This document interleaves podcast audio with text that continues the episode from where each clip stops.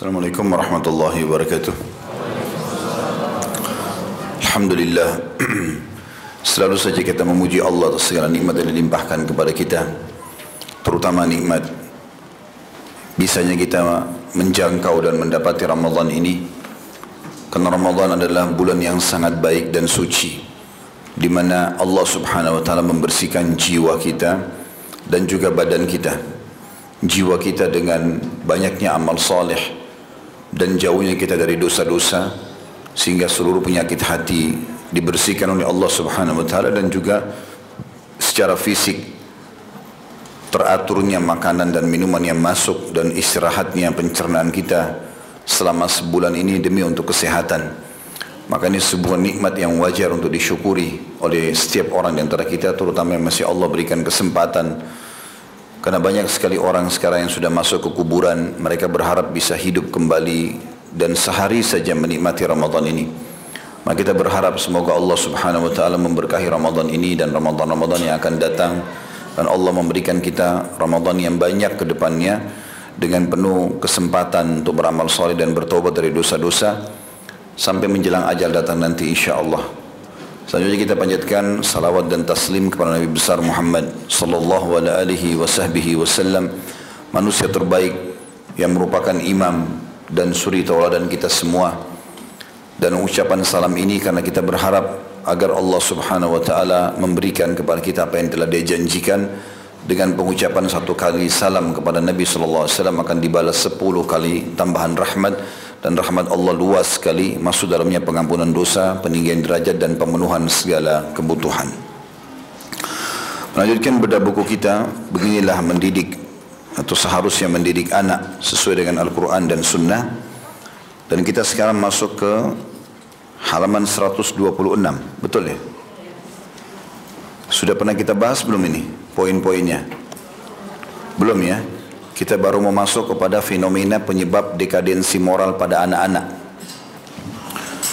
Baik, semoga Allah berkahi kita akan bacakan insya Allah. Penulis berkata, fenomena penyebab dekadensi moral pada anak-anak teledor terhadap pendidikan anak mengakibatkan berbagai bentuk kerusakan dan tingkah laku negatif pada anak. Di antara beberapa faktor yang merusak atau membuat kerusakan dan perilaku negatif pada anak sebagai berikut. Yang pertama adalah anak tumbuh besar dididik dengan sifat pengecut, penakut, suka mengeluh dan gampang ketakutan. Ini kalau salah pernah saya jelaskan pertemuan sebelumnya ya. Ya? Sudah? Masya Allah. Anak kita lebih tahu insya Allah. Jazakallah khair. Insya Allah jadi anak saleh ya. Uh, saya tidak tahu sampai poin keberapa kemarin. Tujuh ya. Baik. Kita reviewkan saja kembali. Masalah mendidik anak memiliki sifat pengecut ini adalah negatif sekali menakut-nakuti anak dengan hal-hal yang tidak dibutuhkan. Bahkan kadang-kadang pada hal-hal yang tidak ada. Ya. Karena dia tidak mau anaknya ke belakang rumah, jangan ke belakang rumah nanti ada momok. Ya. Dan selalu bukan ditanamkan takut kepada Allah tapi takut pada syaitan. Ini keliru sekali. Padahal Allah SWT berfirman dalam Al-Quran tentang syaitan, فَلَا تَخَافُهُمْ وَخَافُونِ إِن كُنْتُم مُؤْمِنِينَ Jangan pernah kalian takut pada syaitan itu. Tapi takutlah kepadaku kalau kalian beriman. Jadi nggak boleh sama sekali. Ditanamkan rasa takut apalagi pada syaitan. Justru ditanamkan rasa berani menghadapi syaitan. Berani. Jadi jangan biasa kita ucapkan kalimat takut ada ini, ada itu. Bahkan saya kasih contoh kalau nggak salah yang lalu ya. Kadang-kadang ada yang menanamkan pada anaknya takut yang tidak perlu. Takut sama kecoa. Mana lebih besar? Bapak ibu atau kecoa? Masa takut dengan kecoa? Kadang-kadang ibunya, anaknya semua teriak-teriak di rumah karena kecoa di bawah meja. Ya. Ini kan tidak normal sama sekali. Bagaimana bisa takut dengan itu? Contoh saja. Bahkan subhanallah, saya melihat bukan cuma pada manusia, pada hewan-hewan peliharaan pun ya. Saya kemarin sempat berbicara sama security di komplek perumahan. Kita pelihara ayam pak, ayo beli ayam. Beberapa ekor gitu satu pasang kemudian punya anak-anak rupanya ayam ini memang nggak pernah kita sengaja usir atau kejar-kejar nggak pernah Subhanallah biar saya lewat, kita lewat dengan pakai mobil, motor. Hayam itu nggak pindah biasa, dia tahu dia tidak akan disakiti. Rupanya karena dia terbiasa dengan keadaan tidak pernah diganggu, ngerti nggak? Ini saya tarik pada pendidikan. Oh ternyata anak-anak juga akan seperti itu. Kalau yang kita tidak biasakan takut, subhanallah, dia akan turun ambil air sendiri, dia akan keluar kamar, dia akan segala macam. Itu positif. Dan itu sangat dianjurkan dalam Islam karena memang tidak boleh ada penanaman rasa takut kecuali kepada Allah Subhanahu wa taala. Bisa ditangkap pesannya ya. Terutama ibu-ibu ini. Ya, jangan suka takut-takuti anaknya. Ya. Masuk dalam masalah ini sifat penakut ini adalah sukanya dipukul, diancam dengan ayunan tangan misalnya, dengan apa? Jangan. Tidak usah ancam. Lisan cukup lisan. Jangan nak itu nggak boleh. Dan selalu bawa namanya Allah. Allah larang misalnya. Jadi insya Allah itu akan jauh lebih aman ya. Kemudian yang kedua terbiasa hidup tidak teratur, judes dan selalu ingin menang dari yang lain dan hal itu dianggap suatu kehebatan bagi anak. Ini sudah saya bilang itu hari ya dan saya ingatkan kembali. Kalau bapak ibu mendidik anak, usahakan kita yang memilihkan apa saja. Mau makanan, mau pakaian, mau sendal, mau sepatu, mau sekolah. Teman-teman kita yang pilihkan. Tidak boleh kasih anak-anak memilih. Bagaimana caranya bapak-bapak umur 35 tahun, ibunya, istrinya 30 tahun lalu diatur sama anak yang 5 tahun. Gak bakal nyambung. Ngerti apa dia? Dia gak ngerti. Kita harus berikan yang terbaik kepada dia. Kita yang memilihkan semua itu. Saya biasakan pada anak-anak saya, saya belikan baju langsung saya kasih. Udah mereka tinggal tahu pakai. Bahkan bukan cuma itu, istri saya pun saya berikan. Biasakan dalam rumah dia yang pakai. Dia saya pilihkan lalu dia pakai. Mendidik supaya terbiasa patuh ini poin penting. Ya.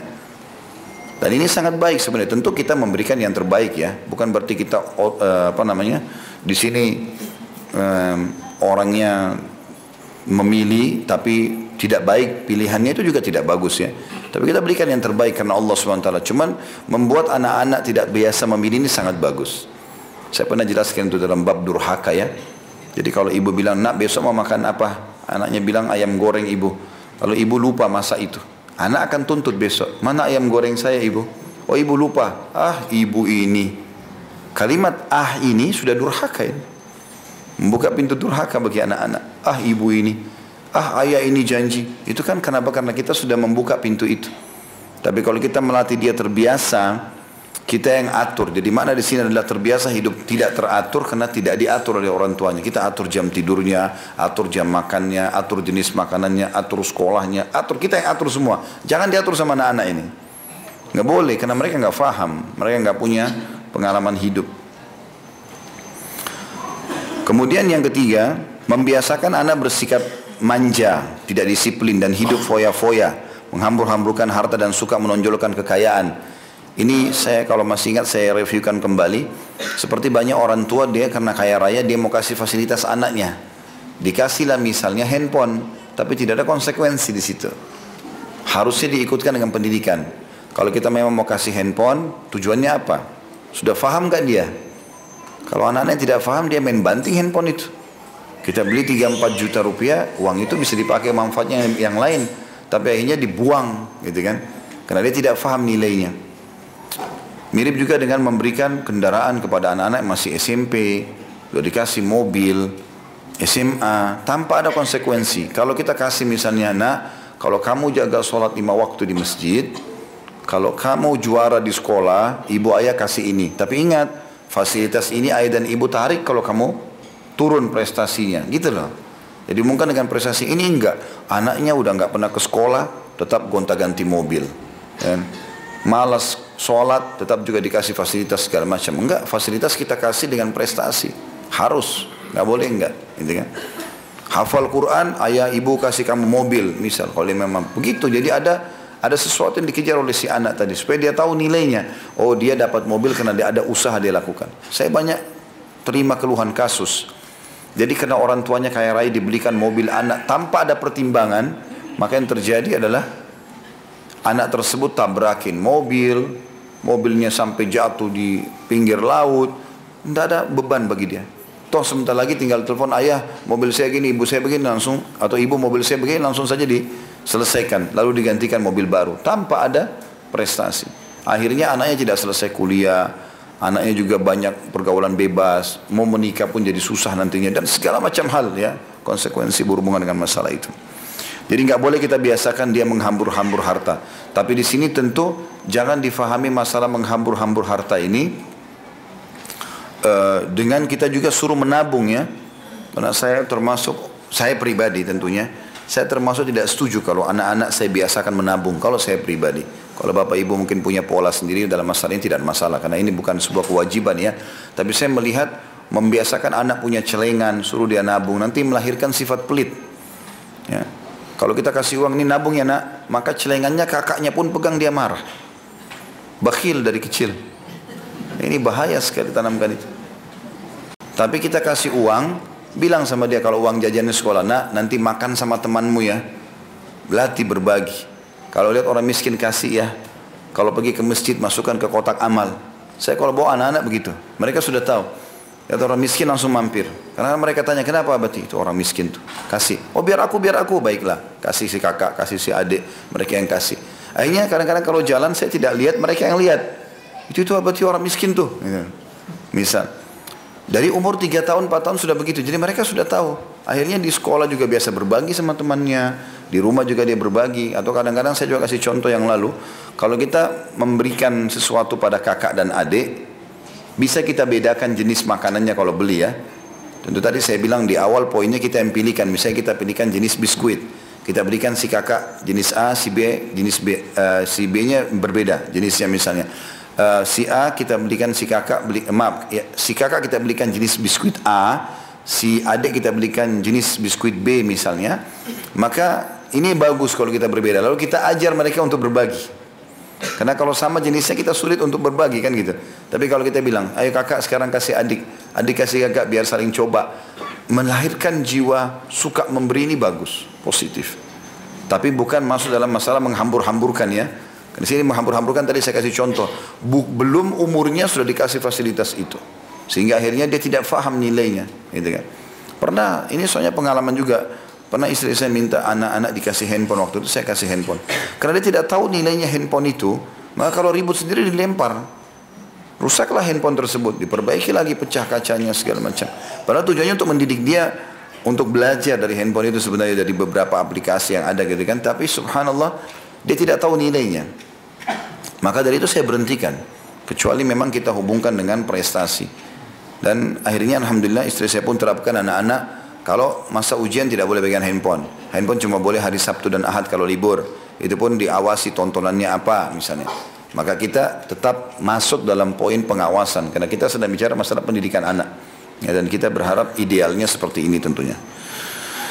Kemudian juga yang keempat terlalu murah hati kepada anak dan memberi segala sesuatu yang diminta ketika dia menangis di depan bapaknya. Saya sudah jelaskan kenapa di sini disebutkan bapak. Karena bapak jarang sama anak. Dia sering keluar. Ibu biasanya lebih pelit kepada anak. Karena ibu lebih banyak waktunya. Mungkin ibu tadi sudah kasih dia makan, kasih dia minum gitu kan. Kalau dia minta lagi, sudah nak. Misalnya ibunya batasi, wajar itu. Tapi ayah, dia selama 8 jam kerja di luar 10 jam, dia nggak ketemu anaknya. Begitu ketemu anaknya, apa saja anaknya minta dikasih. Ya. Makanya biasa kalau lari ke ibunya, ibunya nggak mau kasih, lari ke ayah. Ayahnya akhirnya kasih. Apalagi ke nenek sama kakeknya. Ini lebih luar biasa lagi.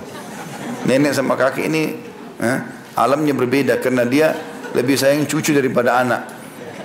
Biar dilarang, tidak boleh makan coklat ya, dia siapin coklat banyak. Jadi kalau libur mau nginep di mana? Nak rumah nenek. Eh, rumah nenek enak, bisa makan sembarangan. Ya. Nah, ini harusnya difahami murah hati bagus kita loyal kasih apa yang dia mau gitu kan tetapi jangan sampai berlebihan. Berlebihan dalam berkata mirip dengan contoh yang tadi ya. Kasih fasilitas handphone mobil motor segala macam. Nah, padahal sebenarnya itu tidak benar. Ya itu tidak tidak dengan diikuti dengan pendidikan. Maka ini berbahaya di sini. Kemudian yang kelima ini ini sudah ini aplikasinya memberikan mobil sementara anak masih di bawah atau usia sangat muda. Yang ini sudah kita jelaskan. Yang keenam terlalu bersikap keras kepada anak di luar kewajaran. Jadi ada orang subhanallah nggak pernah cium anaknya, nggak pernah pangku anaknya, nggak pernah bercanda sama anak. Ini terjadi pada seorang sahabat Badui. Dalam hadis Bukhari, pernah datang ke masjid Nabi SAW. Kemudian lewatlah Hasan dan Hussein, cucu Nabi SAW. Begitu lewat, Maka Nabi SAW pelukin diciumin. Heran dia. Lalu dia mengatakan, apakah kalian mencium anak-anak kalian? Saya memiliki sepuluh anak belum pernah saya cium seumur hidup saya. Kata Nabi SAW, saya tidak melihat kecuali Allah telah mencabut rahmat dari hatimu. Anak-anak butuh untuk dicium, dipeluk, diajak main. Ada saatnya kalau mereka sudah dewasa nggak mau dicium lagi. Dia sudah risih. Ya? Anak laki-laki itu kalau sudah umur tujuh tahun, ibu mau peluk dia nggak mau, dia lari. Dia udah nggak mau, dia risih. Maka memang saatnya dicium itu umur-umur di bawah itu memang. Umur dua tahun, satu tahun, tiga tahun. Memang dia mau dipeluk, disayangi gitu kan. Sama juga anak perempuan. Ya, saya anak, anak perempuan saya kalau sudah SD udah naik, kalau saya panggil dulu pun mereka risih kadang-kadang. Padahal sebenarnya sama ayahnya sendiri ya. Karena memang sudah ada saatnya mereka sudah mulai meranjak, dewasa sudah berbeda ya. Makanya ini perlu untuk berbagi kasih sayang. Itu bentuk kasih sayang kepada anak-anak. Ada orang terlalu keras sehingga tidak pernah senyum, tidak pernah mencium, tidak pernah memeluk. Ini juga membuat akhirnya anak itu tumbuh besar dalam kondisi ketakutan. Ya. Kemudian yang ketujuh terlalu pelit terhadap anak. Ini juga terlalu perhitungan. Apa saja anaknya minta tidak boleh. Ini tidak juga. Kalau ada sesuatu yang dia minta wajar, nggak masalah. Ya. Tapi kita boleh kasih konsekuensi ya. Minta es krim, ayah, ibu, baiklah. Tapi hari ini satu ya, nggak boleh ditambah dulu misalnya baiklah karena lagi flu misalnya atau begini dan begitu ya maka kita kasih seperti itulah. Kita masuk ke delapan sekarang kurang kasih sayang kelembutan dan belian dari orang tua. Ini hanya membuat kerusakan. Mirip tadi yang saya jelaskan itu. Tidak ada ciuman tidak ada pelukan tidak ada bercanda sama anak-anak gitu kan? Dalam sebuah riwayat Bukhari dijelaskan baginda Nabi alaihissalatu wassalam itu sering kali dibawakan hampir tiap hari selalu dibawakan anak bayi karena setiap ada bayi lahir pasti dibawa ke Nabi SAW lalu Nabi pangku, Nabi doakan, Nabi tahnik, ya, dikunyakan kurma halus ditempelin di langit-langitnya. Lalu Nabi SAW berikan nama dan sering kali Nabi elus rambutnya. Biasanya kalau Nabi elus kepala bayi itu rambutnya jadi subur gitu. Itu Nabi. Karena mukjizat beliau alaihissalam. Kalau kita belum tentu seperti itu. Tapi yang jelas, maksudnya masalah subur rambutnya. Tapi yang jelas itu termasuk perbuatan yang baik. Sampai kadang-kadang Nabi SAW memangku anak-anak muslimin dan mereka kencing di paha Nabi SAW. Dan Nabi tidak marah sama sekali. Nabi SAW tidak marah sama sekali. Itu bentuk kelembutan kepada anak-anak. Ali bin Abi Thalib mengatakan didik anakmu dengan tujuh tahun kali tiga tujuh tahun pertama dengan kelemah lembutan. Memang tujuh tahun pertama ini sifatnya harus lembut semuanya. Dengan santun dengan baik kita bermuamalah dengan dia. Karena memang dia butuh itu. Kadang-kadang teman-teman walaupun kita sibuk sekali Kapan anak sudah bicara sesuatu, tanggapi dulu. Kadang-kadang kita tinggalkan. Sudahlah nak, sana suruh cari kesibukan yang lain. Dia mungkin tidak tahu mau buat apa. Kalau kita suruh cari kesibukan, nanti akan dia cari kesibukan yang mungkin berbahaya bagi dia. Gitu kan? Hanya karena kita sibuk dengan handphone, hanya karena kita sibuk telepon orang, ya tinggalkan dulu. Ibu-ibu lagi ditelepon sama temannya, maaf ya sebentar anak saya lagi pulang, nanti saya telepon balik lagi. Assalamualaikum, tutup dulu. Layani dulu anak tersebut, mungkin dia mau makan, dia mau minum. Memang anak-anak itu akan merongrong kita terus pasti. Allah Subhanahu wa taala memang yang membuat itu. Dia tidak akan minta sama orang lain tapi dia akan minta kepada kita. Dan itu sebenarnya kalau kita fahami secara kejiwaan, Allah lah yang buat dia seperti itu. Dia hanya minta sama kita memang. Dan memang Allah wajibkan kita bukan orang lain. Tidak akan turun beban hukum itu kepada orang lain karena kita orang tuanya masih ada kan gitu. Maka ini sifat kasih sayang, lemah lembut dan belean dari orang tua biasa memeluk, biasa mencium, biasa mengelus kepala. Ini semua bagian daripada hal yang positif. Kata sebagian ulama, ada sebuah hadis Nabi SAW tentang anak yatim. Siapa yang mengelus kepala anak yatim, maka dia akan mendapatkan pahala dari setiap helai rambut yatim tersebut yang tersentuh dengan telapak tangannya. Jadi kalau misalnya kita pegang satu sisi kepalanya, itu kan, maka berarti semua yang tersentuh dengan telapak tangan kita itu pahala. Kata para ulama, kalau anak yatim aja anaknya orang lain begini, bagaimana dengan anak sendiri? Maka tentu saja pahalanya lebih besar gitu ya. Seringnya mengelus mereka, seringnya berbagi kasih sayang, ini adalah bagian daripada syariat. Karena kalau tidak, maka akan terjadi kerusakan. Jangan biasakan teman-teman anak-anak mengambil keputusan sendiri, belum umurnya mereka. Karena sibuk si ayah, sibuk si ibunya sibuk dengan hand, sekarang handphone ini saya bilang kemarin ya Handphone lebih dicintai daripada anak. Handphone ditaruh di bawah bantal, anak di bawah kolong. Hah? Sehingga anaknya tidur di bawah, pakai lapis atau tidak nggak masalah, tapi handphonenya dirawat luar biasa. Anaknya jatuhkan handphone, anaknya luar biasa, sudah seperti buat kriminal besar. Padahal handphone bisa dibeli, gitu kan? Anak nggak bisa. Kadang-kadang orang pukul anaknya gara-gara handphonenya, dia nggak faham. Kadang-kadang Bapak Ibu sekalian anak-anak itu melakukan tanda kutip demo-demo kecil di sini karena justru tidak ada perhatian dari orang tua. Ya. Kapan anak itu menjatuhkan gelas atau sengaja berbuat apalah sedikit onar dia buat, itu sebenarnya dia mau lihat respon orang tuanya. Mungkin dia sebelumnya kalau Bapak Ibu review kembali, mungkin dia sudah coba ajak ngobrol. Ibu apa ini, ayah apa ini. Kadang-kadang anak-anak itu mengulangi pertanyaan yang sama padahal dia sudah tahu. Hanya karena butuh perhatian orang tua. Misalnya dia tanya, ini apa? Padahal dia sudah tahu itu pulpen misalnya. Tapi dia sengaja nanya lagi, hanya untuk butuh jawaban dari orang tua. Kadang-kadang bisa ditanya sampai 10-15 kali terulang-ulang. Jangan jenuh. Kan ayah sudah jawab nak. Wuh, kayak militer saja itu kan. Kan ibu sudah bilang. Ya.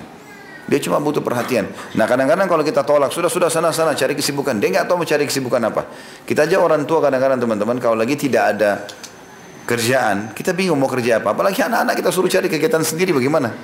Kecuali bapak ibu duduk, ambilin buku, ini ya, gambar ini ya, tulis ini ya, ibu kembali sebentar lagi, ayah kembali sebentar lagi, mungkin. Itu pun kalau ditinggal dia masih bisa. Kalau kita suruh cari kegiatan sendiri nggak mungkin. Nah biasanya dia lakukan tanda kutip demo-demo kecil tadi. Jatuhkan benda, apalah pintu. Karena dia lihat dengan itu ternyata ada teguran. Nah teguran ini walaupun kita marah bagi anak itu bukan marah. Bagi dia itu bentuk kasih sayang. Oh berarti dengan saya jatuhin piring, ibu saya jadi tinggalin handphonenya. Gitu kan? Ayah saya jadi tegur saya. Udah jatuhin piring tiap hari. Hmm. Ya. Kemudian selanjutnya yang kesembilan sangat mengutamakan penampilan luar pada anak. Tapi maksudnya di sini dia tidak perhatikan sisi dalamnya ya sibuk dengan penampilan-penampilan anak, belikan baju-baju yang mahal, bagus, tapi ini boleh, bukan tidak boleh. Tapi kadang-kadang ini membuat dia lupa mendidik bagian dalamnya, pokoknya luarnya saja. Ini juga bisa melahirkan hal-hal yang tidak baik, ya. Jadi kadang-kadang bahkan dipujilah, misalnya, oh tampannya, oh cantik ya, oh gini segala macam. Tapi nggak pernah ada pujian seperti ini dari sisi kejiwaannya. Misalnya kalau dia kayak sekarang bulan Ramadan dilatih puasa, sholat, nggak pernah dipuji. Ya. Saya jadikan kalau saya pribadi tanamkan kepada anak-anak ikut ke masjid itu jauh lebih mereka kejar daripada pergi ke supermarket misalnya. Jadi selalu kalau mau ke masjid saya buat seperti sesuatu suasana yang memang harus mereka ikut. Siapa yang mau ikut ke masjid nih? Ya, mereka mau. Apa alasannya? Karena memang saya buatin. Misalnya sementara jalan kita sholat nanti dapat pahala ya. Allah akan kasih pahala. Orang kalau sholat masuk surga. Ya, nanti kemudian di masjid habis sholat ada celengan, nih uang masukkan ke sana. Kayak ada kegiatan mereka lakukan gitu kan.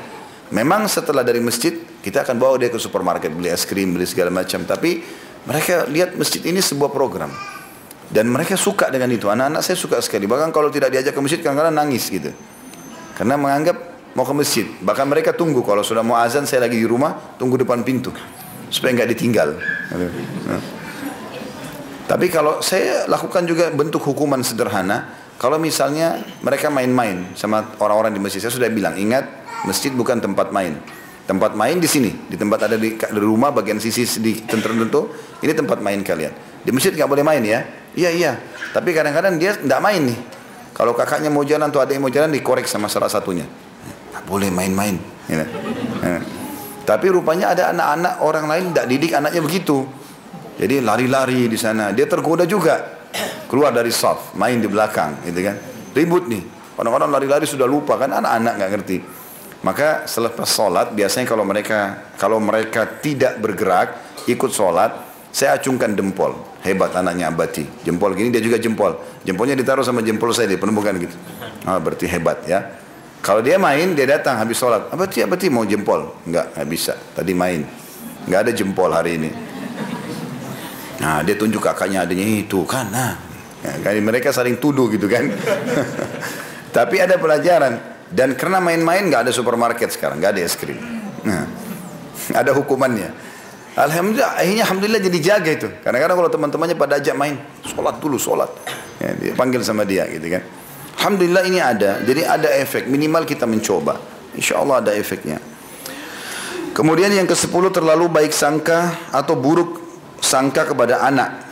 Jadi uh, kita tetap harus hati-hati Bapak Ibu sekalian. Jadi walaupun anak kita sekolah agama dan kita lihat penampilannya sudah bagus, tetap tidak boleh kita terlalu loss. Sangka baik sekali maksudnya terlalu berlebihan. Ya, jadi kita bangga, oh karena kita misalnya belum hafal satu juz, juz pun Al-Quran, begitu anak kita hafal satu juz, wah anak saya hebat nih. Terus dipuji satu juz itu, sehingga anak bangga dan tidak lagi samba juz kedua dan juz ketiga. Karena tolakunya adalah diri kita, ini nggak boleh. Jadi jangan juga terlalu begitu ya. Tetap Bapak Ibu duduk, ada saatnya kita menjadi sahabatnya anak-anak, ada saatnya kita menjadi orang tua, ada saatnya kita jadi pendidik. Jadi sahabat itu kalau pulang sekolah, ibu-ibu terutama duduk sama-sama Tanya, nak tadi bagaimana, belajar apa? Sambil duduk seperti temannya dia. Mungkin di meja belajarnya, mungkin di ranjangnya, ngobrol sama dia. Kemudian tanya, siapa teman-temannya yang prestasi di kelas? Oh si Fulan. Kenapa prestasi? Oh biasanya nyatat kalau gurunya bicara. Oh, kalau dia uh, apa ditanya bisa jawab. Nah, misalnya kita bilang ayah atau ibu mau kamu seperti itu ya. Saya pernah gituin anak-anak. Alhamdulillah prestasi di sekolahnya bagus. Ya, karena saya bilang cari teman-teman yang baik itu. Siapa di kelasnya temannya yang malas? Oh ada si fulan. Kenapa? Kalau guru nerasin tidur. Ya nggak boleh seperti itu ya. Dan nanti kalau ketemu nasihatin misalnya. Alhamdulillah anak-anak sampai sekarang dengan izin Allah SWT di sekolah juara gitu kan.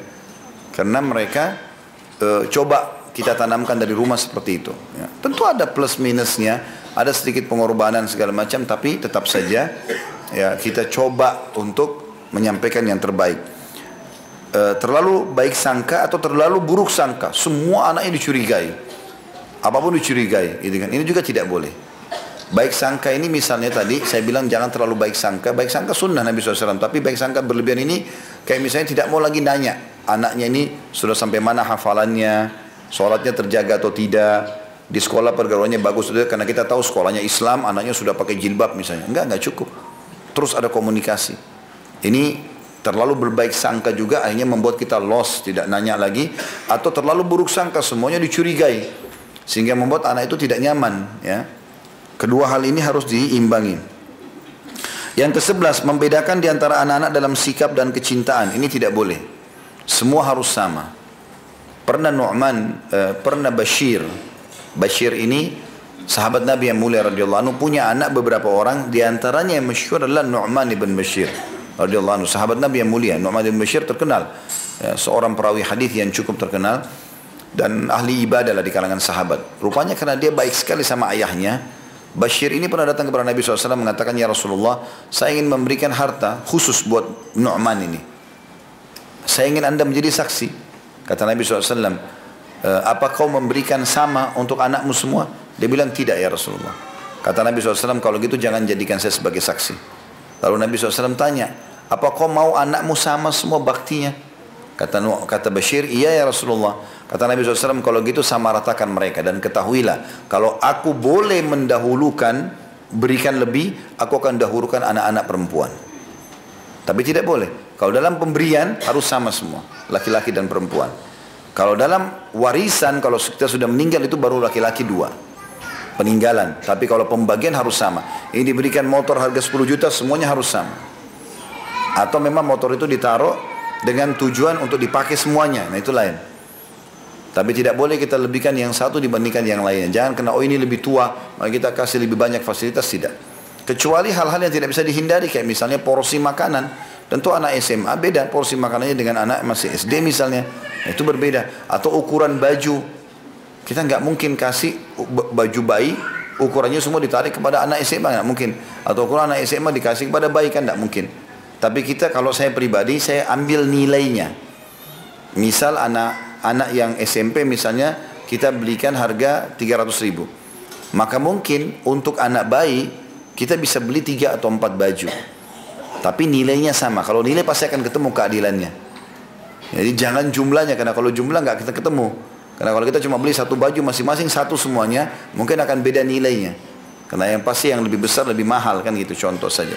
Maka lebih baik kita pertemukan dengan nilai. Maka ini tidak boleh membedakan di antara cinta dan e, apa sikap ya. Kemudian yang ke-12, tidak segera menikahkan anak sementara dia sangat membutuhkan untuk segera menikah. Ada tahapannya. Balik itu, balik bagi laki-laki dan bagi anak laki-laki dan anak perempuan berarti masa di mana mereka sudah siap untuk yang laki-lakinya menumpahkan spermanya nanti adalah calon anak-anak walaupun dia pada saat itu lebih baik dididik dulu baru dia menikah. Tapi berarti dia sudah punya sperma, bibit manusia. Dan perempuan sudah punya sel telur, sudah punya juga kantong manusia. Dan itu umur mereka masih sangat kecil itu.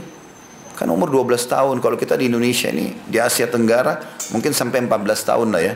Kalau di Timur Tengah, karena wilayahnya panas, Afghanistan, Timur Tengah itu beda. Umur 9 tahun orang sudah punya, sudah sudah haid biasanya. Ya. Di salah satu negara Timur Tengah itu, ada seorang ibu, itu umurnya 18, 19 tahun punya cucu. Ya. Jadi rupanya dia ini kisahnya nyata ada di sana ya.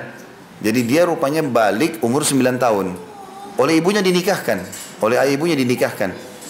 Jadi umur 10 tahun dia sudah punya anak. Satu. Anaknya lahir perempuan. Anaknya perempuan ini umur 9 tahun dinikahkan juga oleh dia.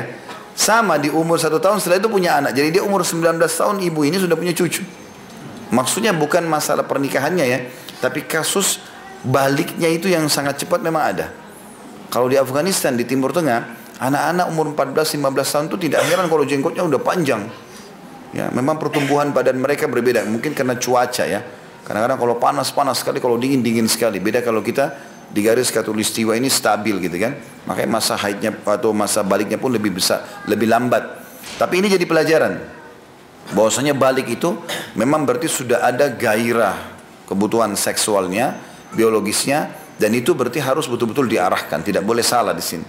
Ya, termasuk masalah pertanyaan-pertanyaan ya. Nah, kalau ada pertanyaan-pertanyaan walaupun itu sedikit menurut kita riskan, maka tetap kita jawab, gitu kan? Tetap kita jawab, gitu kan? Pernah anak-anak ini entah anak-anak saya masih kecil entah dengar nikah dari mana, gitu kan? Pernah mereka bicara satu sama lain si kakak laki-laki adiknya perempuan, 4 tahun sama 3 tahun. Lalu kemudian si kakak bilang, Nanti kalau aku besar aku mau nikah sama ini, ditunjuk adiknya. Dia nggak tangkap, empat tahun, belum faham. Lima sama empat tahun. Ya lima tahun ini nggak ngerti kan? Aku nanti mau nikah sama ini, sebut nama adiknya. Saya dengar, sebentar nak. Menikah itu bukan dengan adik kakak. Kan kita harus jelaskan, karena mahram itu nggak boleh menikah, hukumnya haram. Nggak boleh didiamkan, nggak boleh dianggap lucu saja. Nggak boleh menikah harus sama orang lain, nggak boleh adik kakak. Dijelaskan. Dan ternyata kalau kita jelaskan anak-anak, maka dia faham, gitu kan? Yang lebih unik, lalu kemudian dia kalau gitu berarti aku nikah sama siapa? Nikah sama orang lain selain saudara. Ada namanya hukum mahram. Sama umi nggak boleh, sama uh, khalati saudarinya umi nggak boleh, gitu kan? Sama ini nggak boleh, sama wanita lain dibolehkan, gitu kan? Insya Allah nanti kalau sudah balik, sudah besar, nanti abadi nikahkan, ya.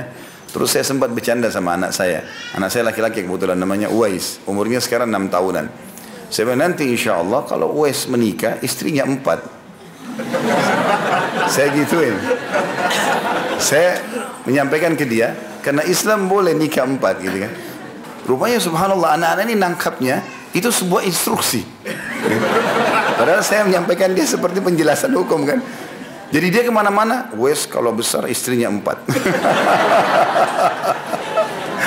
Sampai neneknya bilang, wes satu aja. Enggak, empat. Abati bilang empat. Jadi kadang-kadang subhanallah ada sisi positif, ada juga harus hati-hati kadang-kadang ya. Tapi ya saya anggap itu sebuah hal yang positif saja gitu kan. Mungkin dia jadi faham. Paling tidak masalah pernikahan dia tadi bilang mau nikah sama adiknya, dia udah faham nggak boleh. Karena mahram, gitu kan. Ini haram dalam Islam. Dalam bab perzinahan kan yang paling tinggi itu zina dengan mahram. Kalau zina antara ibu sama anak, ayah sama anak, saudari sama saudaranya, ini hukumnya berbahaya nih. Langsung dihukum mati. Ya. Ini dirajam, nggak boleh. Karena berbahaya kalau mahram dengan mahram ini ya. Nah nanti anaknya siapa ini? Gitu kan? Udah jelas ini adik kakak, berbahaya sekali.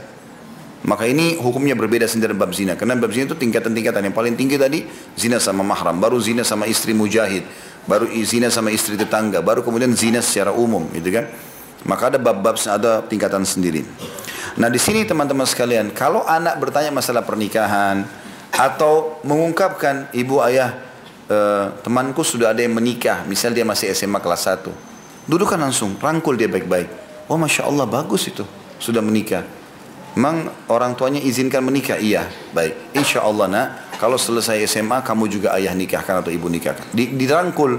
Ah, kamu masih anak ingusan bicara nikah. Kan langsung dipatahkan semangatnya kenapa? Kan nikah positif, gitu kan? Banyak orang subhanallah bangga anaknya gonta-ganti pacar tapi dia ya malu dengan anaknya menikah, ya. Lebih baik pacarnya datang hari ini, tetangga tanya, "Siapa itu?" "Pacar anak saya." Anak perempuannya dibawa malam minggu pergi ke mana? Allah, Allah alam. Dingin-dingin, panas-panas dibawa pergi. Ya. Lalu masuk bioskop dingin-dingin akhirnya tidak berzina, bohong. Ya, dibawa ke mana-mana kan jadi masalah. Izin, seakan-akan pacarnya datang, izinnya tante, om ya, maksudnya mau izin berzina sama anakmu nih. Itu kan bahasa langsung. Pacaran sebelum nikah sama saja zina. Orang jalan berduaan, pegang-pegangan, ciuman, ujungnya berzina gitu kan. Maka ini teman-teman banyak orang bangga. Oh itu pacar anak saya. Bulan depan putus, datang pacar baru. Tetangga tanya lagi siapa? Itu pacar anak saya. Yang bulan lalu mana? Anak saya nggak cocok, putus. Putus sampai lima kali, enam kali tidak apa-apa. Nggak malu. Tetangga tahu, keluarga tahu, nggak masalah. Bahkan lebih parah kadang-kadang pacarnya itu yang belum halal boleh masuk rumah, boleh tidur sama anaknya, masuk kamar bolak-balik. Kan banyak kasus begitu. Kan ini aneh dan ini di Jakarta terjadi itu. Ya, dan ini sayang sekali. Tapi kalau pasang tenda depan rumah menikah, oh ini memalukan. Masa nikah muda? Loh kalau zina boleh, kalau nikah nggak boleh. Ini terbalik pendidikannya. Maka kalau kapan anak singgung masalah pernikahan, rangkul itu. Positif sekali, gitu kan? Apalagi kalau punya anak perempuan memang sudah biasa kan ada lamaran-lamaran yang datang gitu kan. Itu udah biasa. Maka besarkan jiwanya gitu kan supaya dia mau merangkul itu. Dan di sini harus hati-hati kapan orang tua itu melihat potensi anaknya sudah besar, sudah cukup dan dia bisa dan yang melamar juga orang baik atau yang dia mau lamar orang baik ya, maka ini bisa berdosa kalau kita sengaja tidak melakukannya itu. Tidak boleh sama sekali karena dia lebih butuh, dia lebih tahu kebutuhannya. Ada beberapa ikhwah kita ikut pengajian, rupanya mereka masih di tingkat-tingkat awal kuliah, di tingkat-tingkat awal kuliah, tapi mereka sudah ikut pengajian, udah tahu mana halal mana haram nih. Dulunya bebas sih, masuk di kampus tingkat satu, tingkat dua, begitu masuk tingkat tiga ikut pengajian, lalu melapor sama saya di pengajian Ustaz. Di kampus fitnahnya besar sekali. Perempuan tidak pakai hijab, pergaulan mereka bebas malam minggu, hari Sabtu minggu mereka keluar kota sama-sama, pergaulan bebas sekali. Jadi sekarang kita sudah tahu hukum Ustaz, tidak boleh ini semuanya. Tapi kita bicara juga sama orang tua mau nikah tidak diizinkan. Harus bagaimana sekarang? Mengekang ini susah. Nah ini karena ada egoisme dari orang tua tadi. Seakan-akan salah kalau anaknya belum selesai kuliah, baru kemudian dinikahkan. Saya selalu ulangi kalimat ini ya.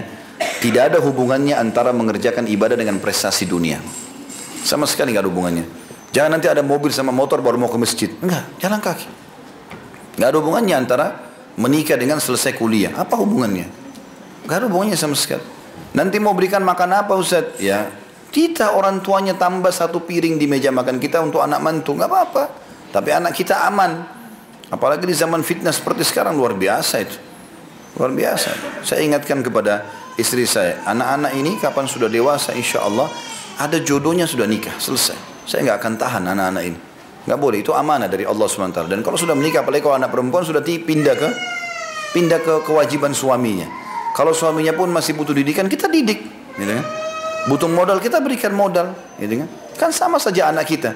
Kalau kapan seseorang laki-laki sudah nikah sama anak perempuan kita, atau anak-anak perempuan nikah sama anak laki-laki kita, maka itu sudah jadi mahram abadi kita. Kenanggara namanya mantan mertua, tidak namanya mantan anak mantu. Sekali saya akad nikah dengan seorang wanita, ibunya itu mahram saya abadi. Ayah saya mahram abadi istri saya, walaupun naudzubillah terjadi perceraian. Maka itu harus difahami. Maka ini anak kita juga berarti. Kita seperti tambah anak ke dalam rumah, gitu kan? Baik, selanjutnya, jadi kalau dia butuh menikah disegerakan ya. Yang ke-13 menunda-nunda pernikahan anak gadis bahkan cenderung diperdagangkan dan untuk mencari kekayaan. Ini sebagian orang ini. Ini bisa merusak moralitas. Karena kebutuhan biologisnya sudah ada, akhirnya dia jadi berbuat zina ya. Ada orang begitu, jadikan anak-anak gadisnya ada 4-5 orang. Jadilah ini ajang bisnis mau nikahi anak saya tapi 100 juta 200 juta dan begini dan begitu. Uang itu diambil sama orang tuanya. Sedikit buat acara 30 juta sisanya diambil. Ini bagaimana caranya? Anak dijadikan ajang bisnis. Kalau perlu kita sebagai orang tua yang biaya anak kita kok malah terbalik ini.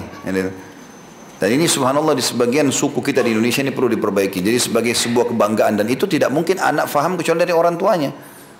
Ya, saya pernah dengar begitu. Jadi kalau kakaknya yang perempuan dilamar 30 juta, adiknya harus 40 juta. Adiknya lagi harus 50 juta. Jadi kalau anak yang ke-15 ini luar biasa. Ya. Nah, di atas 150 juta. Bagaimana caranya? Memang nikah ajang bisnis. Bukan teman-teman. Kita ibadah. Kita mencari di situ rahmat Allah subhanahu wa ta'ala. Bahkan kata Nabi SAW, tiga orang pasti Allah kasih rezeki, dijadikan kekayaan. Ya. Itu kalau memang mereka lakukan karena Allah SWT. Yang pertama itu adalah mukatib. Mukatib itu budak yang mau bebasin dirinya. Dia bilang sama majikannya, saya mau bebas. Bagaimana caranya? Misalnya majikannya bilang, kau bayar 10 juta dengan saya. Lalu si budak bilang, saya cicil ya, saya bulan 1 juta, jadi 10 bulan saya bebas. Maka ini pasti Allah kasih rezeki. Yang kedua mujahid di jalan Allah. Yang ketiga orang yang menikah karena takut berbuat perbuatan zina. Allah janjikan kekayaan. Jadi Allah akan berikan rezeki. Nanti akan dapat rezeki di situ. Kata Nabi SAW, kejarlah kekayaan itu pada pernikahan. Jadi bukan berarti kita harus berdagangkan anak kita. Sudah ada rezekinya di situ sendiri. Kita juga ada rezeki, ada pahala yang kita dapatkan.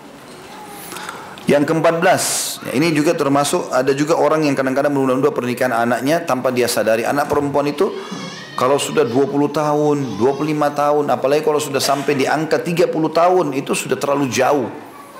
30 tahun itu sudah terlalu jauh teman-teman sekalian. Kenapa jauh? Karena batas dari balik dia dengan 30 tahun itu jauh sekali. Misal dia balik umur 12 tahun, ya.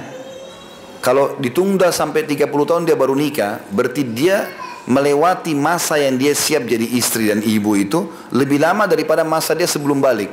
12 tahun sebelum balik ini 18 tahun dia tertinggal dalam masa itu. Ini tidak boleh kita tunda-tunda. Apa alasannya? Ya, jadi kalau sudah ada orang datang agamanya baik, akhlaknya baik, nikahkan, nikahkan. Ya. Saya dengar beberapa masyayikh, masya Allah, ulama-ulama kita di Saudi itu, mereka menikahkan anak-anak mereka sangat mudah, sudah dinikahkan semua. Lalu kemudian dididiklah oleh mereka. Jadi anak mantu ini seperti tambahan anak yang dia harus bantu juga. Dia bantu, dia didik, dia segala macam. Kalau ada yang mapan, alhamdulillah jauh lebih baik tentunya. Yang ke-14 menikahkan anak perempuan dengan laki-laki yang tidak setara dari sisi agama serta benci terhadap anak perempuan.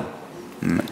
Jadi salah satu yang boleh kita tanya sebagai ayah atau wali anak perempuan, kalau anak kita perempuan, adalah tanya si ma calon anak mantu ini bagaimana visi misi dia, bagaimana dia dari sisi agama, tanya sholatnya, tanya puasanya, kegiatannya, hadir pengajian di mana, ya, pernah belajar agama sama siapa, atau kita tanya kepadanya beberapa hukum agama yang kita tahu ya. Kalau tentu kalau seorang ustadz dia bisa tanya, tapi kalau orang umum-umum misalnya kita bisa tanya apa yang kita tahu. Mungkin dia bisa jawab sesuai dengan yang kita pernah kita pelajari, ada dalilnya. Itu bagus. Juga dari satu sisi bagaimana jelaskan tentang dia mendidik anak. Ini perlu selalu ditanya ini. Calon mempelai laki-laki tanya kepada calon mempelai perempuan dan calon mempelai perempuan tanya kepada calon mempelai laki-laki. Juga orang tua tanya kepada anak-anaknya atau calon anak mantunya bagaimana mereka memandang sisi pendidikan anak. Ya. jadi mungkin dikasih gambaran jadi biar dia kasih gambaran jadi dia mengatakan misalnya oh kalau saya suka sama anak-anak ada ponakan saya kadang-kadang saya gendong begini dan begitu. Ada memang orang subhanallah kelihatan begitu ya. Suka dengan anak-anak. Cirinya itu dia sayang sama ponakannya kalau dia belum nikah ya. Ada anak-anak orang diajak main bercanda sama dia. Ini bagus. Ini calon pasangan yang sangat baik karena ada laki-laki, ada perempuan tidak suka sama anak. Ini bukan calon pasangan yang tepat. Ya. Makanya Nabi SAW suruh nikahi wanita dua sifatnya. Al-wadud dan al-walud. Wadud itu penuh kasih sayang. Dan juga ya, uh, subur. gitu kan. Ciri kadang-kadang perempuan tidak suka anak itu begitu. Kalau anaknya datang, sudah-sudah sana-sana. Suruh mbaknya yang pegang. Dia gendong anak aja dalam satu minggu mungkin cuma sekali. Cuma lihat anak pada saat mau pergi, oh ya sudah sudah makan ya siapin pergi, sibuk dengan kesibukan sendiri. Ini nggak boleh ini. Harus ada waktu buat anak ngobrol segala macam. Kita nggak tahu apa yang dicekoki oleh pembantu kepada dia. Ya, sayang akhirnya tumbuhlah anak yang kita harapkan kader umat ini seperti yang uh, seperti alam fikirannya sih pembantu ini. Baik kalau dia orang baik, kalau enggak jadi masalah ini. Ya. Kemudian 15 memberi menama anak dengan nama-nama yang tidak baik. Ya. Mungkin hanya sekedar membanggakan seorang uh, tokoh yang itu jauh dari agama ya maka ini juga tidak baik ini sudah kita jelaskan pada saat membahas nama-nama yang baik ya kalau masih ingat insya Allah nama-nama yang baik adalah semua nama penisbatan kepada hamba eh, penghambaan kepada Allah kalau laki-laki Abdullah, Abdurrahman, Abdul Ghafur, Abdul Syakur dan seterusnya. Perempuan Amatullah, Amatur Rahman. Ini yang paling afdal. Karena kata Nabi SAW nama yang paling Allah cinta adalah Abdullah dan Abdul Rahman. Kalau perempuan Amatullah dan Amatur Rahman. Kemudian datang bagi laki-laki semua nama Nabi-Nabi. Adam sampai Muhammad SAW. Kemudian perempuan adalah para ibu Nabi atau istri-istri Nabi ya. Kemudian datang setelah itu semua nama sahabat Nabi Ridwanullah alim laki-laki dan perempuan lalu datang semua nama yang memiliki makna yang baik. Apa pun sifatnya itu boleh. Jadi jangan memiliki nama-nama yang tidak baik bagi anak-anak, tidak jelas. Dan kalau ada nama memang tidak baik secara makna, maka sunnahnya mengubah, diganti nama itu. Yang ke-16 orang tua terlalu lama berada di luar rumah, jauh dari anak-anak. Ini termasuk bisa merusak pendidikan anak. Jadi sibuk sesibuk-sibuknya harus tetap ada waktu di rumah. Ya, kalau darurat keluar, terutama ibu-ibu ini. Maaf saya bahasakan ini karena memang itu tanggung jawab utamanya ibu. Ayah tugasnya membiayai ibu sama anak. Ibu-ibu yang punya tanggung jawab jaga harta suami dan anak-anaknya. Maka ini jangan sampai banyak kesibukan di luar yang membuat anak-anak terbengkalai. Ya harus dibawa, dididik, ditanya. Kalaupun kita keluar telepon, tanya di rumah siapa yang diamanahkan, bagaimana keadaannya, sudah makan belum, gitu kan. Kalau kita pulang, luangkan waktu buat mereka, rangkul, peluk, ajak ngobrol, ya, bagaimana mereka buat apa hari itu, makannya sudah atau belum dan seterusnya. Dan usahakan yang ditanya kepada anak-anak ini yang didahulukan adalah hubungannya dengan Allah SWT ya. Sudah sholat belum nak? Sudah baca Quran belum hari ini? Ya Baru kemudian kita tanya yang lainnya. Kasus makan, minum itu nanti yang kedua, yang ketiga kita tanya. Yang pertama masalah ibadahnya dulu. Kemudian yang ke-17 berdoa keburukan terhadap anak. Ya, ini kalimat-kalimat bisa jadi doa seperti kamu nakal sekali ya. Kalimat ini bisa jadi doa ya. Karena kata Nabi SAW jangan kalian ucapkan kalimat buruk buat diri kalian, harta kalian dan keluarga kalian karena bisa saja malaikat lewat mengaminkannya maka terjadilah. Ya, Suami istri bilang, saya nyesal nikah sama kamu. Nanti jadi nyesal benar. Ya. Kamu ini jahat sekali, jadi jahat benar nanti. Jadi kan? Jadi nggak usah kita ucapkan kalimat tersebut. Lebih baik kita ucapkan kalimat-kalimat yang positif ya. Jadi anak-anak itu juga harus diucapkan kalimat yang baik. Jangan selalu ucapkan kalimat tidak baik. Karena kita mengatakan kamu nakal sekali, terekamlah di benak dia, oh saya harus nakal. Ya. Maka itu bisa terekam. Beda antara kita sama anak-anak. Kemudian Uh, yang ke-18 membiasakan anak dengan kebiasaan jelek, ucapan pedas, kotor atau akhlak yang hina ya. Ini tentu karena biasanya uh, orang tuanya mengucapkan kalimat ini di depan anak-anaknya ya. Ini termasuk mungkin masalah eh, hal-hal uh, yang semoga Allah jaga kita tentunya ya kalau terjadi keributan antara suami istri maka kalimat-kalimat kotor ini jangan keluar sehingga didengar oleh anak dan dijadikan sebagai pegangan. Karena setiap kali anak melihat itu dia menganggap itu didikan. Dia tidak menganggap itu negatif. Dia bisa menganggap itu adalah sebuah didikan yang harus dia terapkan. Ya. Sama masuk dalam masalah ini tentu masalah eh, tontonan ya harus hati-hati. Ada orang menganggap remeh masalah itu. Kita saja orang dewasa kalau nonton misalnya ada maaf cuplikan ciuman itu tidak boleh dalam Islam. Karena kita anggap itu cuplikan yang haram dalam Islam. Bukan mahram mereka saling lakukan. Apalagi kalau sampai perzinahan. Maka kalau kita nonton, mungkin kita akan mengatakan paling paling rendah kita bilang, oh itu tradisi orang non muslim. Misal, kalau kita nonton film barat misalnya, oh ini tradisi orang muslim. Tapi kadang-kadang kita terpengaruh. Cuma kalau anak-anak beda. Kalau mereka tonton itu mereka nggak paham seperti kita. Mereka akan bilang, oh kalau saya besar, saya harus begitu. Punya pasangan, saya harus buat seperti itu. Kalau tontonannya lembut, dia akan melakukannya dengan dia akan ikuti cuplikan lembut. Kalau dengan keras, kriminal, pemerkosaan, dia juga akan lakukan itu. Itu yang direkam di benak dia, walaupun dia tidak ngomong. Saya uh, sempat berbicara dengan seorang teman di Madinah, uh, eh, Dr. Hussein Hafidhullah, sahabat saya. Kemudian kami bicara masalah pendidikan anak waktu itu. Dan sempat uh, dia cerita, dia bilang, ada teman saya, anaknya itu hafal 30 juz Al-Quran masih SD kelas 2 atau kelas 3. Ayahnya sama ibunya sangat ketat dengan anak ini Masya Allah. Diawasi terus. pergaulannya diawasi, sekolahnya diawasi dan tinggal di Saudi di Madinah. Madinah ini tidak tidak pernah dicampur laki-laki perempuan di Saudi. Sekolahnya pisah, segala macam pisah. Dia cuma ketemu sama mahram-mahramnya saja. Ini di rumah gitu loh. Terus di beliau cerita dia bilang teman saya ini satu waktu pengen tes anaknya. Anaknya masih kelas 2 SD. Lewat ayat di dalam Al-Qur'an tentang wanita dan ada masalah biologis ya masalah haid itu kan dalam surah An-Nisa ada dijelaskan masalah itu maka temannya dokter Husain ini bilang saya mau tes anak saya saya mau tahu dia faham nggak ayat ini nah kamu faham nggak masalah haid itu paham nggak masalah ayat berbicara masalah dalam surah Al-Baqarah bolehnya menggauli istri di malam hari Ramadan Tiba-tiba temannya ini si ayah ini kaget tuh anaknya bilang, ayah kalau saya jelaskan ayah marah nggak? Kata ayahnya tidak nak, silakan jelaskan. Kata ayahnya, anak saya menjelaskan masalah biologi seperti sudah nikah 10 tahun. Itu begini, itu begini, itu begini. Padahal anaknya ini dijaga ketat sama dia. Maka dia bilang kalimat ini subhanallah. Dia bilang kami diskusi waktu itu. Subhanallah tidak tahu bagaimana kalau anak kita kita nggak jaga. Ini dijaga aja begini. Faham segala macam hal. Bagaimana kalau dia tidak dijaga, gitu kan? Maka bisa lost control. Jadi bukan berarti anak diam berarti dia tidak faham ya, belum tentu. Mungkin malah anak diam itu punya banyak yang dia simpan. Kadang-kadang dia takut bicara sama orang tua karena orang tuanya terlalu keras sehingga dia kalau ketemu temannya dan temannya siap mendengar curhatnya maka diungkapkanlah semua pada temannya tersebut. Maka ada saatnya di mana kita jadi teman dia, sahabat dia. Sepait apa pun anak kita cerita teman-teman kejadian di sekolah jangan dimarahin. Tapi jelaskan positif negatifnya perbuatan itu. Itu yang harus kita lakukan. Supaya betul-betul jelas ya bahwasanya ini baik ini buruk dan dia meninggalkan dengan sepenuh hati. Dan dia tidak rasa takut gitu kan. Oh ada tadi ibu ayah teman saya berita di sekolah hamil di luar nikah. Jadi jangan langsung marah, enggak. Duduk nak. Itu hamil di luar nikah berarti perbuatan perzinahan. Allah haramkan nggak boleh. Lalu dijelaskan efek-efek negatifnya.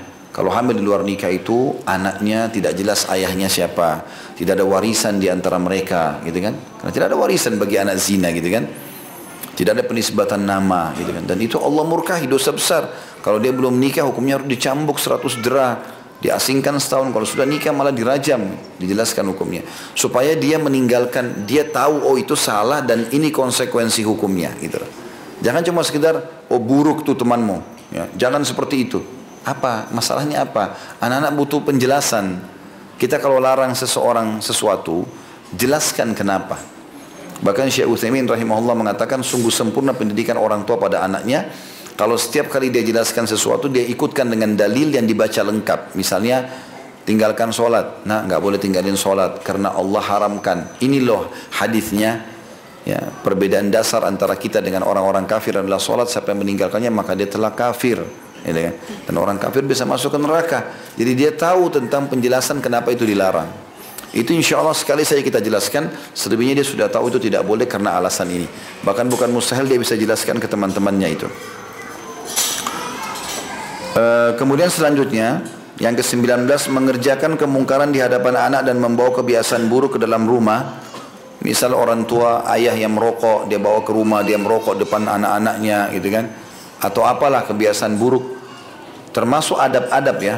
Saya ingat dulu subhanallah waktu di Makassar waktu saya masih kecil. Saya ingat betul di rumah tangga kami itu di rumah orang tua segala macam. Itu dilarang sekali anak-anak ngelonjorin kaki ke depan orang tua. Saya ingat betul saya masih kecil itu. Walaupun pegel kaki kadang-kadang kita ngelonjorin langsung ditegur sama orang tua. Baik nenek saya atau kakek atau apa nenek atau uh, karena kakek saya meninggal saya masih kecil. Nenek atau orang tua saya pasti diingatkan.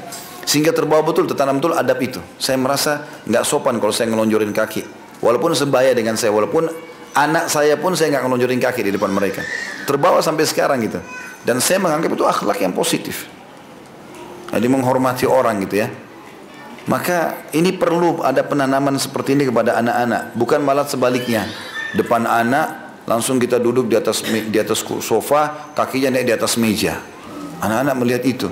Maka yang pertama dia tangkap, oh bisa saya naikin kaki di atas meja. Mungkin nanti kalau si ayah sudah pergi, anaknya lakukan, ibunya marah. Dia akan bertanya-tanya, kenapa saya dimarahi? Kenapa ayah boleh? Gitu kan? Maka ini juga pola pendidikan. Jadi kita harus hati-hati memang masuk itu kita jadi kayak kayak perhatian anak ya. Saya perhatikan di rumah itu kalau saya masuk apa saja yang saya lakukan. Anak-anak pada ngumpul di belakang saya semua. Ngelihat. Buka baju pun dilihat sama mereka kadang-kadang. Saya kalau buka gamis, alhamdulillah ada kaos dalam, ada celana segala macam. Tapi ada, saya buka gamis mereka lihat. Kalau saya gantung di gantungan, mereka lihat, diperhatikan. Saya melihat dari tatapan mata ini mereka lihat itu. Mereka ambil pelajaran dari situ.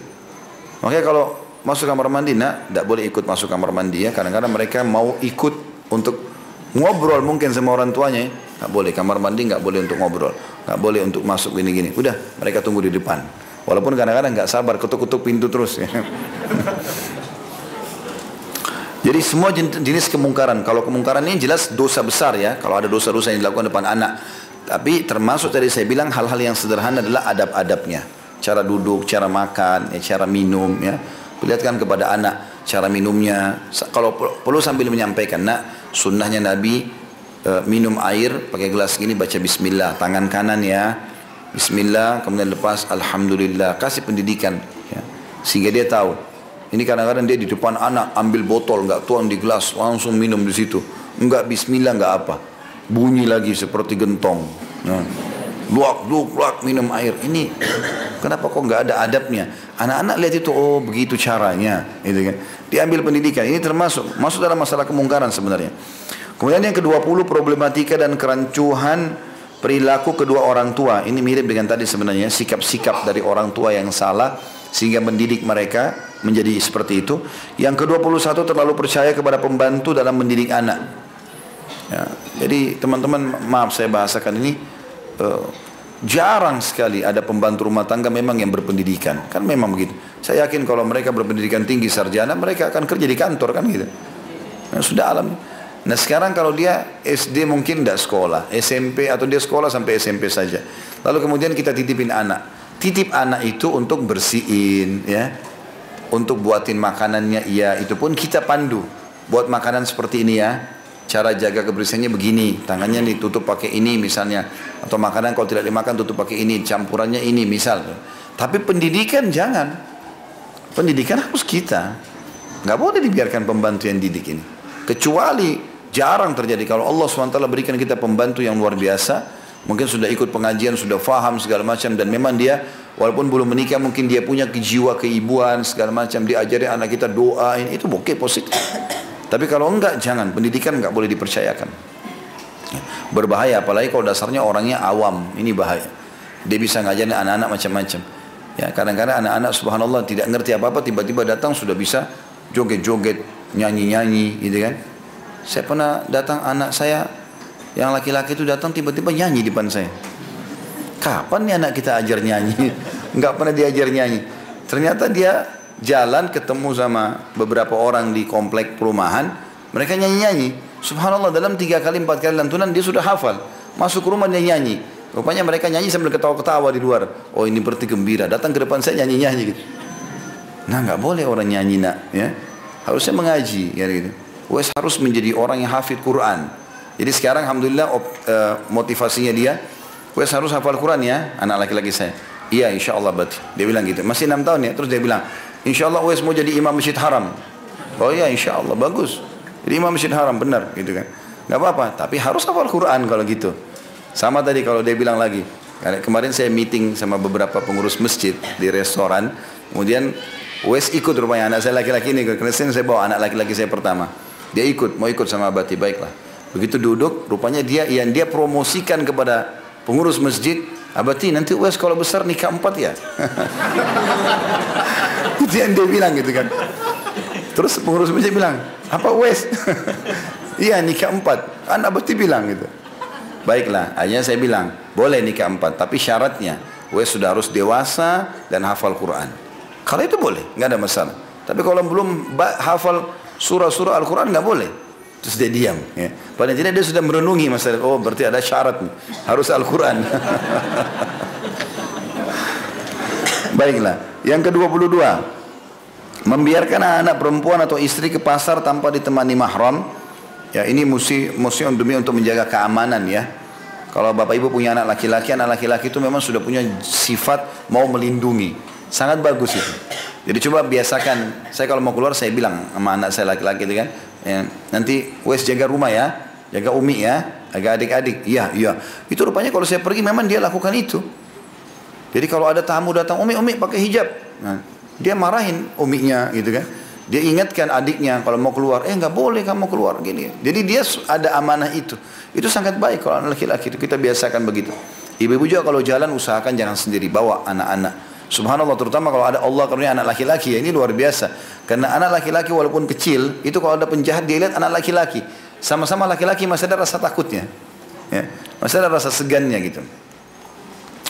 Kemudian selanjutnya yang ke-23 teledor dalam masalah hubungan telepon tanpa kontrol dan membelikan telepon genggam untuk anak. Ya, ini tentu harus ada umurnya, kapan kita kasih telepon, kapan tidak ya. Nah, apalagi kalau penyalahgunaan penggunaan ini hati-hati karena banyak sekali perusakan terjadi justru dari handphone itu. Ya, tontonannya segala macam ini harus hati-hati dikontrol benar-benar. Ya, diberikan masukan-masukan kalau mana yang boleh, mana yang tidak boleh. Bahkan diawasi kalau perlu. Ya, setahu saya bisa ditutup kok beberapa program di handphone itu untuk supaya tidak dia buka ya.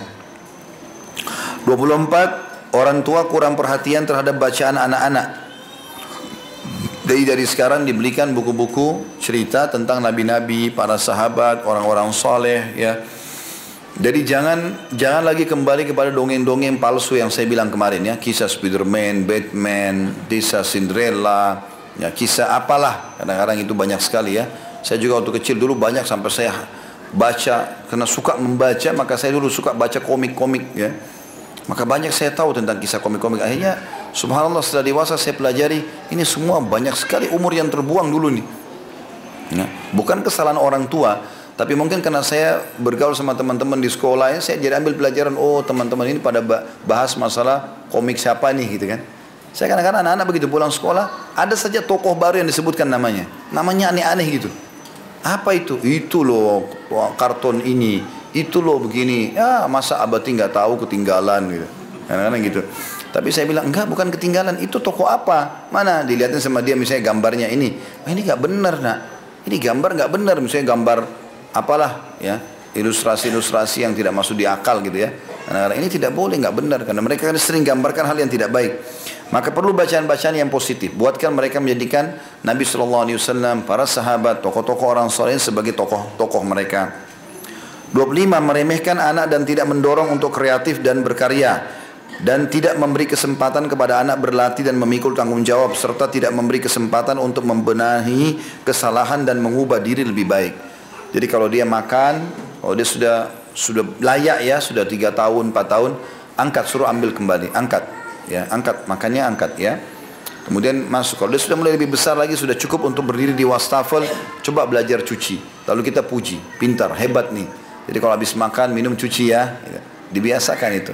Dan dari kecil ya harusnya begitu ya. Istri saya pernah mengatakan pada anak-anak ini, ini disebutkan namanya. Subhanallah masih dua tahun sudah banyak kosakata yang dia tahu. Karena dididik. Ini begini, ini begini, ini begini, ini untuk ini. Gitu. Jadi bukan cuma sekedar diambil lalu ditaruh. Tidak, tapi dididik dia dengan nama-nama benda itu, fungsi-fungsinya gitu kan. Dan uh, apa namanya uh, juga ditempatkan di tempat yang benar. Ini termasuk ya kadang-kadang ada orang menganggap remeh masalah itu. Kalau anak memperlihatkan satu kreativitasnya, maka sebutkan ya atau puji misalnya di sekolah dia buat gambar apa, dia buat kreatif lalu dipuji atau dapat nilai sama gurunya. Misalnya kita puji, oh masya Allah bagus ya. Misalnya dia bilang, oh tapi temanku lebih pintar. Ya udah sekarang belajar supaya lebih bagus lagi. Kalau gitu kita ikuti boleh kasih hadiah misalnya. Kalau nanti nilainya lebih bagus, maka ayah atau ibu kasih hadiah indah itu. Yang ke-26, kurang memahami pribadi dan karakter anak sehingga kurang memperhatikan masa dan fase perkembangan anak dan pertumbuhan jiwanya. Tadi belum saya lanjutkan ya, kata Ali bin Abi Thalib, didik anak kalian dengan tiga fase tujuh tahun. Tujuh tahun pertama dengan kelemah lembutan, tujuh tahun kedua dengan kedisiplinan dan ketegasan, bukan kekerasan. Dari tujuh tahun sampai empat belas itu ini boleh, ini nggak boleh. Ini boleh, ini nggak boleh. Dan ini umur yang sangat pekah. Di sini dia baik, dia akan baik ke depan. Dan tujuh tahun ketiga, empat belas sampai dua puluh satu boleh kita ajak diskusi ya, sudah layak untuk diajak diskusi. Tapi sebelumnya tidak ada diskusi dengan mereka, tapi kita yang pilihkan. Itu yang dimaksud dengan fase perkembangan. Ke-27 menghina atau meledek orang-orang yang sedang susah dan terkena musibah. Sebab bisa jadi Allah menyembuhkan orang tersebut dan menimpakan penyakit kepadanya.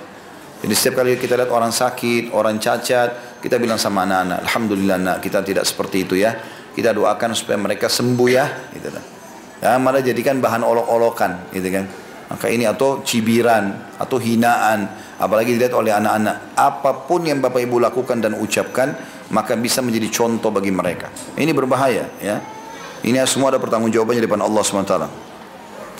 Ke-28 tidak peduli terhadap sekolah anak-anak mereka. Bahkan memasukkan anak-anak mereka ke sekolah-sekolah asing. Ya, alasan karena sekolah itu lebih baik. Ada berapa kali itu saya temukan ada orang tua mengatakan, Ustaz, saya masukkan anak saya di sekolah Katolik karena lebih disiplin. Nah ini enggak benar ini. Apa urusannya? Sekolah Islam juga banyak disiplin kok. Mana Islam mengajarkan disiplin. Tapi kan mereka jadi belajar tentang bagaimana orang Nasrani hidup. Ini salah.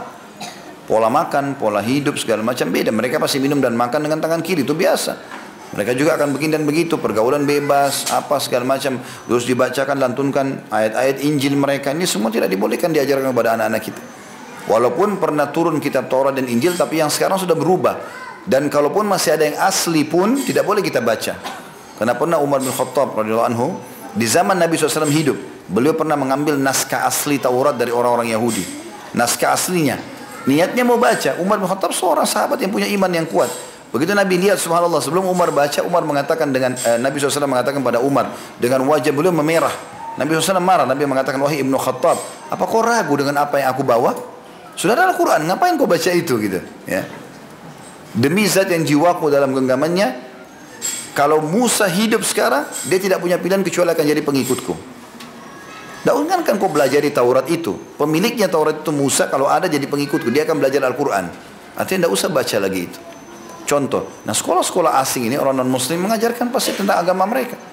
Sedangkan benar saja naskahnya Nabi SAW tegur Umar bin Khattab. Umar bin Khattab orang yang sudah faham agama. Apalagi anak kecil kita. Gak ada cerita yang gak terpengaruh itu gak mungkin. Minimal pergaulan mereka. Gitu kan. Kemudian yang ke-29 kurang kerjasama dengan sekolah tempat anaknya belajar atau tidak ada kerjasama dengan pihak sekolah sama sekali serta membela anak membabi buta di depannya dan depan para gurunya. Ya.